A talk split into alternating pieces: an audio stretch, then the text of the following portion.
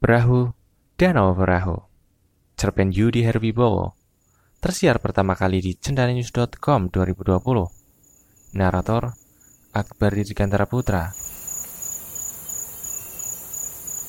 Sepanjang hari selalu terasa pagi di Danau Perahu.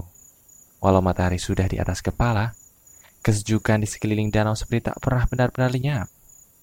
Sinar matahari seperti tak mampu menembus cemara-cemara hutan yang tinggi dan mengitari danau bagai pagar membuat kabut di sekeliling danau seperti enggan beranjak pergi.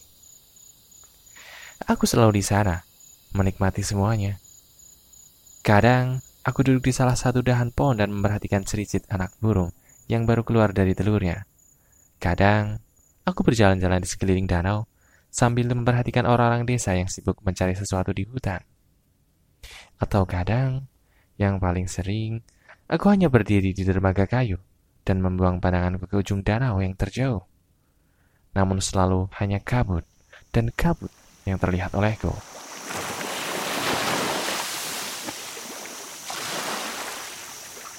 Dermaga ini, walau nampak dibuat seadanya, selalu menjadi tempat paling kerap didatangi. Ya, di titik inilah orang-orang selalu menunggu perahu muncul dari balik kabut. Perahu kayu tanpa penumpang yang selalu bergerak halus di antara air danau yang tenang, yang biasanya selalu diiringi dengan rinai, gerimis, atau bahkan hujan. Perahu itu akan segera membawa siapa pun ke tengah danau, mungkin ke ujung danau, tempat yang juga belum pernah kudatangi. Tapi aku sendiri tak yakin. Satu pikiranku menebak, ia sebenarnya hanya mengantar ke kabut paling tebal yang ada di danau. Ya, ini nampaknya menakutkan. Apalagi aku selalu bertanya-tanya, apakah kabut di tengah danau ini memang kabut yang sebenarnya? Kenapa aku merasa ia seperti tak pernah lenyap? Sedang di tempat lain yang lebih dingin sekalipun, kabut akan segera terusir saat matahari datang.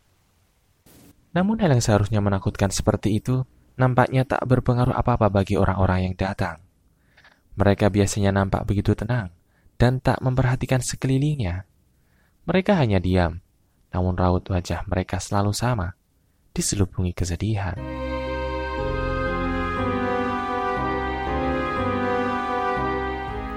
Aku selalu bertanya kepada mereka, kenapa mereka nampak begitu bersedih. Tapi mereka tak pernah menjawab satu yang pasti, mereka yang semula diam, pada akhirnya akan menangis panjang. Jadi aku kemudian menyimpulkan, kesedihan yang menyelubungi wajah mereka pastilah menyeretkan luka yang teramat dalam. Aku jadi kembali bertanya-tanya, kenapa orang-orang yang ke sini selalu saja orang-orang yang bersedih? Tidak bisakah orang-orang yang tengah bergembira pun datang ke sini? Seperti yang ada di danau-danau lain, mereka selalu tertawa-tawa makan bersama, dan saling bermain air. Tapi itu tak perlu ku jawab. Pada kenyataannya, aku sudah tahu kenapa danau ini berbeda. Ini jelas ada hubungannya dengan kisah yang pernah terjadi di sini. Kisah yang membuat sisi danau ini disebut sebagai Danau Perahu.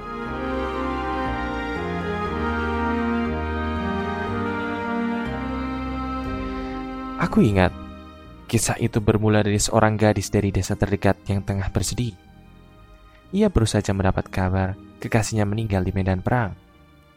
Ini membuat harapannya untuk bisa hidup bahagia bersama seperti sirna begitu saja. Ia mengenais berhari-hari dan berpikir kesedihannya tak akan benar-benar lenyap dari dirinya. Ia mulai berpikir untuk pergi jauh agar tak membuat orang-orang di sekelilingnya cemas pada dirinya. Yang terpikirkan olehnya waktu itu hanyalah danau di dekat desanya. Ia berpikir bisa menjodohkan dirinya ke situ dan membiarkan arus di dalam danau menarik tubuhnya hingga ke dasar. Tapi apakah ia cukup berani melakukannya?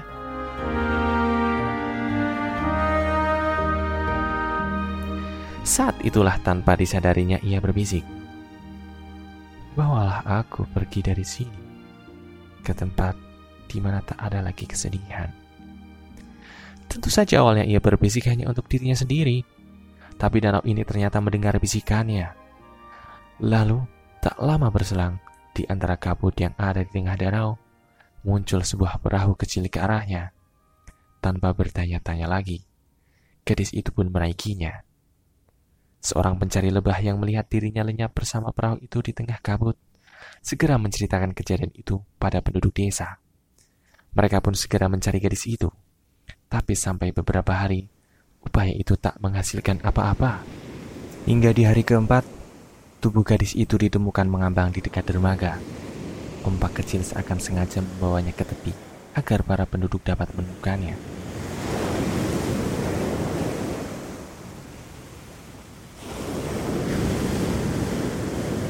Satu yang membuat penduduk desa heran adalah tubuh gadis itu sama sekali tak membusuk saat ditemukan, sehingga mereka semua dapat melihat senyum di bibir gadis itu yang berkah.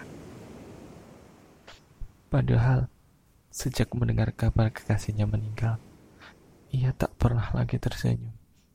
Isak ibunya yang menangis tanpa henti. Lalu seorang lainnya bergumam pelan. Apakah perahu itu membawanya bertemu dengan kekasihnya? Tapi tentu tak ada yang bisa menjawab. Semua penduduk desa menyimpan sendiri jawabannya.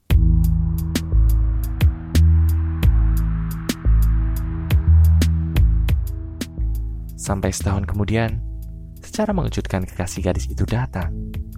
Betapa terkejutnya seluruh desa, sama terkejutnya dengan sisi kekasih yang mendapati kabar kalau gadis yang dicintainya sudah meninggal di danau.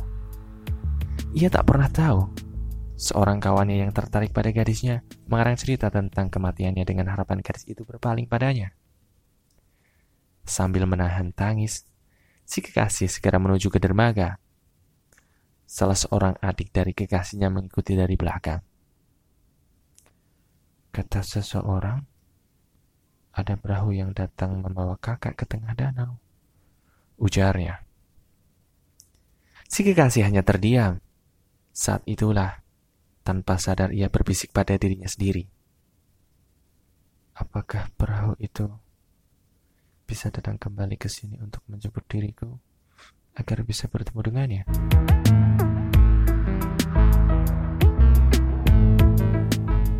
Dan perahu itu ternyata benar-benar datang kembali. Si kekasih segera menaikinya dan meninggalkan dermaga. Si adik dan beberapa penduduk desa yang masih ada di sekitar danau mencoba menahan si kekasih dengan berteriak-teriak. Jangan pergi, kau akan bernasib sama seperti kakak. Tapi si kekasih tak lagi mendengar teriakan itu. Perahu sudah membawa tubuhnya ke tengah danau, lenyap di antara kabut tebal. Lima hari kemudian, tubuh si kekasih ditemukan mengambang di dekat danau. Sama seperti kekasihnya, ia juga mati dengan senyum lebar di bibirnya.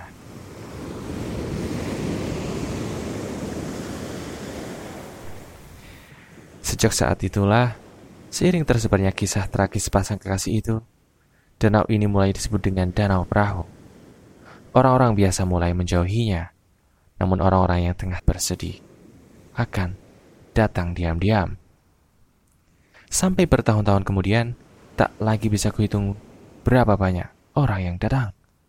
Tak hanya orang-orang di sekitar danau, tapi juga dari kota-kota yang jauh. Namun, tak seperti dulu. Perawi itu ternyata tak selalu datang di setiap permohonan. Seorang dari kota pernah sangat marah karena setelah menunggu dua jam lebih, perahu yang ditunggu tak jua muncul. Ia hanya bisa menggerutu pada kawan-kawannya. Cerita perahu itu hanya omong kosong yang dibesar-besarkan agar orang datang ke sini. Kupikir ucapan itu terlalu bodoh. Iya, dan orang-orang sejenisnya memohon sesuatu dengan tak tulus. Bagaimana bisa permohonan itu dikabulkan? Mereka tak tahu di antara kesunyian hari-hari yang kulewati, selalu saja ada yang datang seorang diri membawa kesedihannya. Aku mungkin bisa membuat daftarnya satu demi satu, walau aku tak yakin bisa menghafalnya seluruhnya.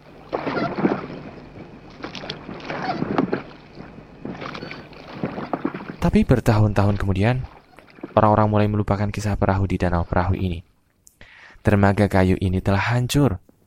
Seorang kakek mencoba membuatnya kembali. Tapi upayanya tak pernah benar-benar selesai. Karena ia terlanjur meninggal dunia. Anaknya lah yang kemudian menyelesaikannya. Aku tak tahu kenapa keduanya membuat dermaga itu kembali. Toh, sekarang tak ada lagi yang datang ke sini. Kelak aku baru tahu, kalau kakek tua itu ternyata membuat dermaga itu untuk mengenang salah satu anaknya yang dulu hilang bersama perahu. Aku kemudian ingat, ia adalah gadis paling cerita yang pernah datang ke sini dan menjadi satu-satunya orang yang tubuhnya tak pernah ditemukan kembali.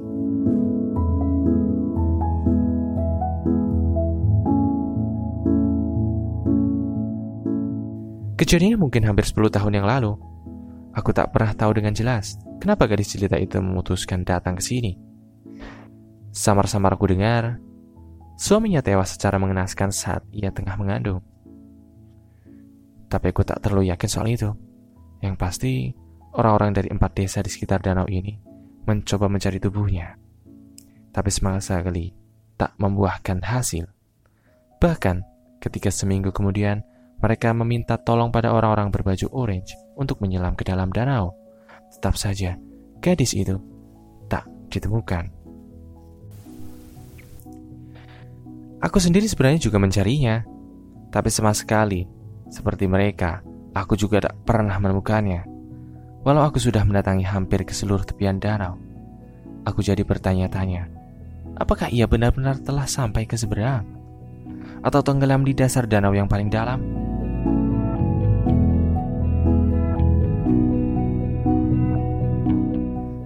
Tak pernah tahu jawabannya. Sampai kemudian di hari ini, seorang gadis kecil datang ke dermaga. Ia gadis berumur 10 tahun yang selalu kulihat di sekitar dermaga. Ia akan menatap ke arah danau lama sekali. Sampai seseorang akan berteriak, Udina, jangan sampai mendekati danau. Danau itu berbahaya. Lalu gadis kecil itu pun akan pergi meninggalkan danau. Aku suka gadis kecil itu. Wajahnya jelita, dan langsung mengingatkanku pada garis jelita yang tak pernah ditemukan tubuhnya itu. Ah, aku jadi menebak-nebak apakah dia anaknya. Tapi beberapa bulan kemudian, gadis kecil itu benar-benar datang. Ia melangkah setengah ragu menapaki dermaga kayu buatan kakek dan pamannya. Ia berdiri di sana, memandangi danau cukup lama. Awalnya, ia hanya bersenandung pelan menyanyikan lagu tentang ibu yang sudah dikenal penduduk di sekitar sini. Sampai kemudian ia mulai bergumam. Apakah perahu danau ini bisa mengantarku menemui ibuku? Sejak lahir aku tak pernah melihatnya.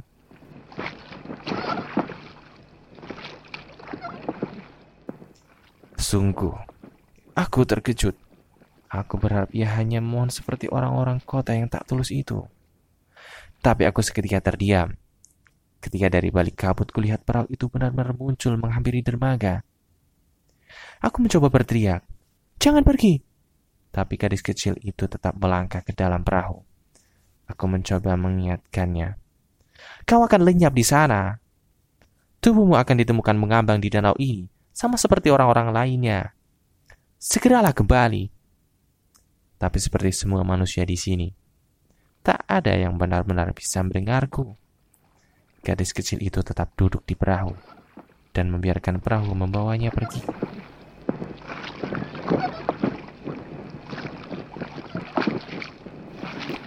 Hingga perahu itu masuk di antara kabut tebal, aku tak lagi bisa melihatnya.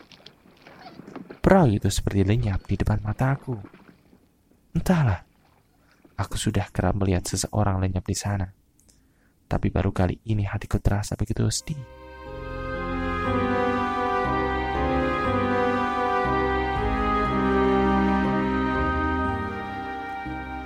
Tiga hari kemudian, penduduk desa danau menemukan dua tubuh manusia yang sedang berpegangan tangan mengambang di dekat dermaga.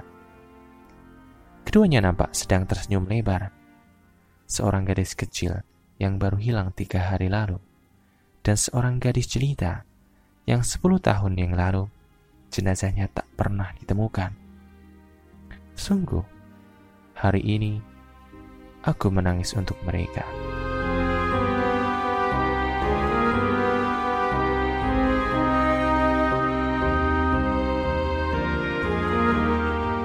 Sastra suara ini hasil kerjasama divalitera.org dan Tokopedia.